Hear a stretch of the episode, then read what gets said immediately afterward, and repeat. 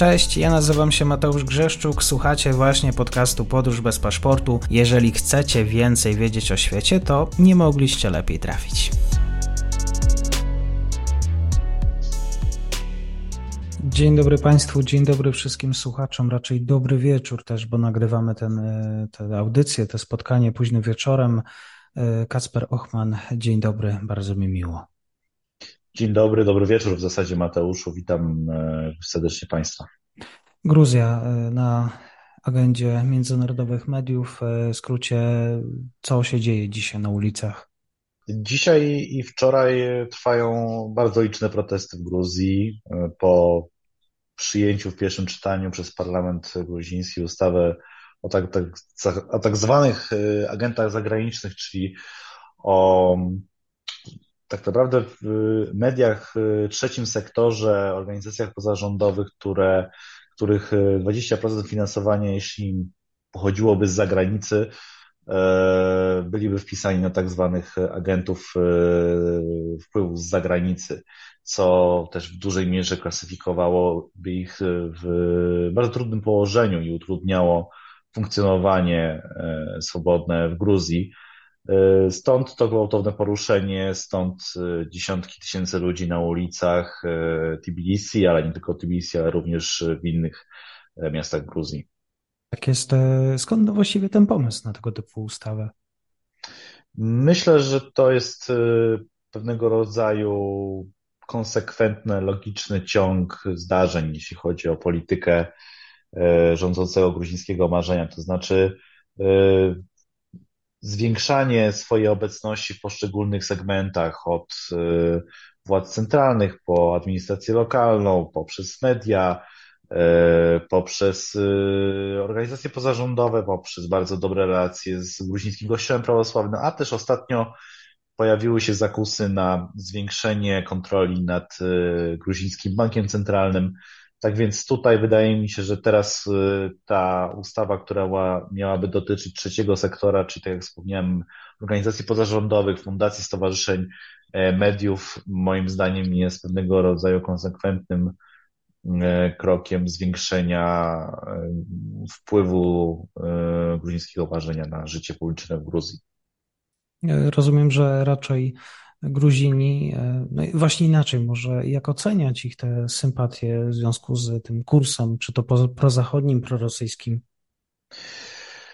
Ciężko mówić o kursie prorosyjskim w Gruzji, bo wszyscy pamiętają doskonale 2008 rok i, agresję Rosji na Gruzję. Y,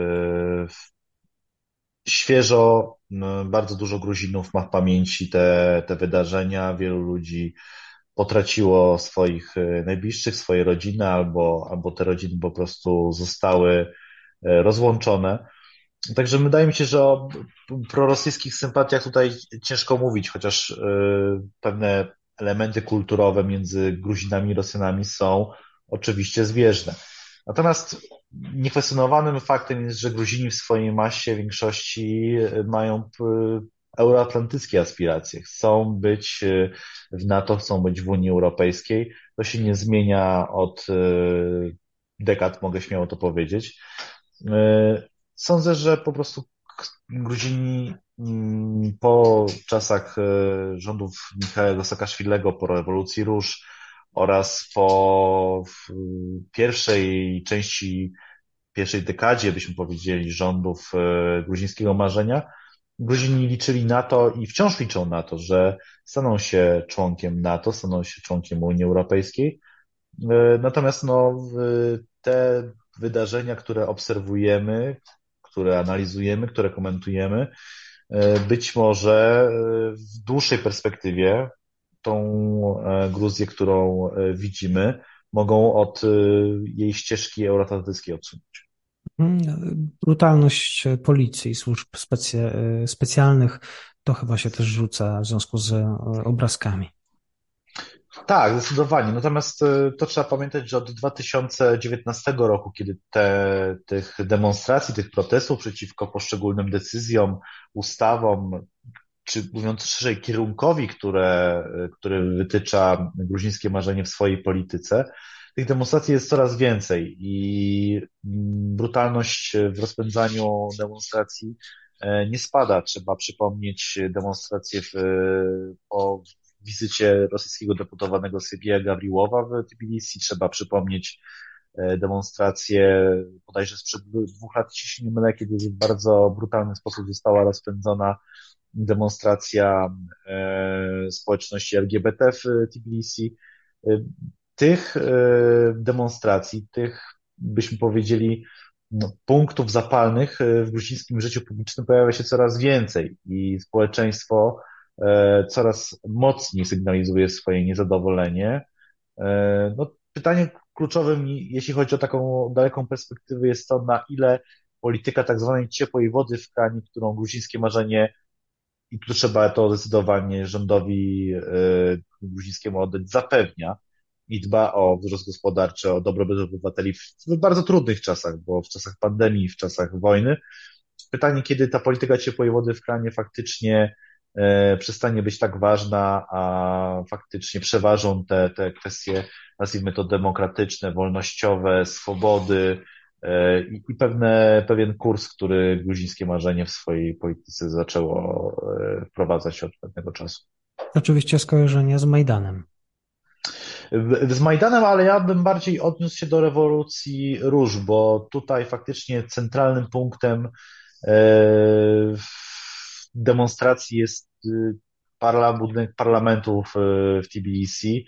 Też e, widzę, że demonstranci zarówno wczoraj, jak i dzisiaj próbowali ten budynek parlamentu szturmować, no ale tutaj przewaga, byśmy powiedzieli, w, brutalnie w uzbrojeniu i w, w wyszkoleniu po stronie służb jest no jednak znacząca. W 2003 roku, kiedy rewolucja róż e, rozgrywała się na naszych oczach, właśnie wejście sił opozycyjnych do parlamentu było takim byśmy powiedzieli, punktem zwrotnym, jeśli chodzi o wydarzenia w polityce gruzińskiej w 2003 roku, więc tutaj faktycznie bym e, upatrywał takich analogii, chociaż porównania z Majdanem są jak najbardziej uzasadnione, bo dzisiaj widzimy na przykład bardzo dużą ilość flag ukraińskich na ulicach e, stolicy, stolicy Gruzji. Mhm. Myślę, że też ważne jest to przewidywanie, co właściwie zrobi w tym przypadku e, rząd Gruzji. E, czy pojawiły się jakieś deklaracje już w związku z tym, co się dzieje na ulicach? E, pojawiła się decyzja, to bodajże oświadczył Irakliko Bachidze, czyli mm, szef gruzińskiego marzenia oraz szef parlamentu gruzińskiego Szałwa Papuaszwili, że projekt ustaw zostanie i tak skierowany do e, kontroli, do zbadania przez Komisję Wenecką, czyli przez taki organ, który no, bardzo taki skrupulatny sposób e, analizuje, komentuje, ocenia e, wszystkie akty prawne i postęp, decyzje Tbilisi pod kątem potencjalnego członkostwa Gruzji w Unii Europejskiej, otrzymania statusu kandydata. Tbilisi stwierdziło, że przekaże ten, e, ten projekt ustawy do, do Komisji Weneckiej, natomiast też dodało, że jeśli nie pojawią się żadne konstruktywne argumenty rzeczowo-jakościowo istotne, to projekt tej ustawy nie będzie, no, projekt tych ustaw nie będzie nowelizowany, także tutaj twarda linia moim zdaniem będzie utrzymana właśnie do momentu, kiedy faktycznie E, ulica w swojej masie nie będzie e, jednak zagrażała stabilnej, stabilnej władzy e, gruzińskiego marzenia. Tak jest. Kasper Ochman, kierunek Kaukaz dzisiaj w komentarzu demonstracje. Drugi dzień odbywają się właśnie w Gruzji. Dzisiaj wieczorem protestujący zostali rozpędzeni przez policję. Kilkudziesięciu protestujących i funkcjonariuszy już zostało rannych. Bardzo dziękuję. Bardzo dziękuję i życzę spokojnej nocy.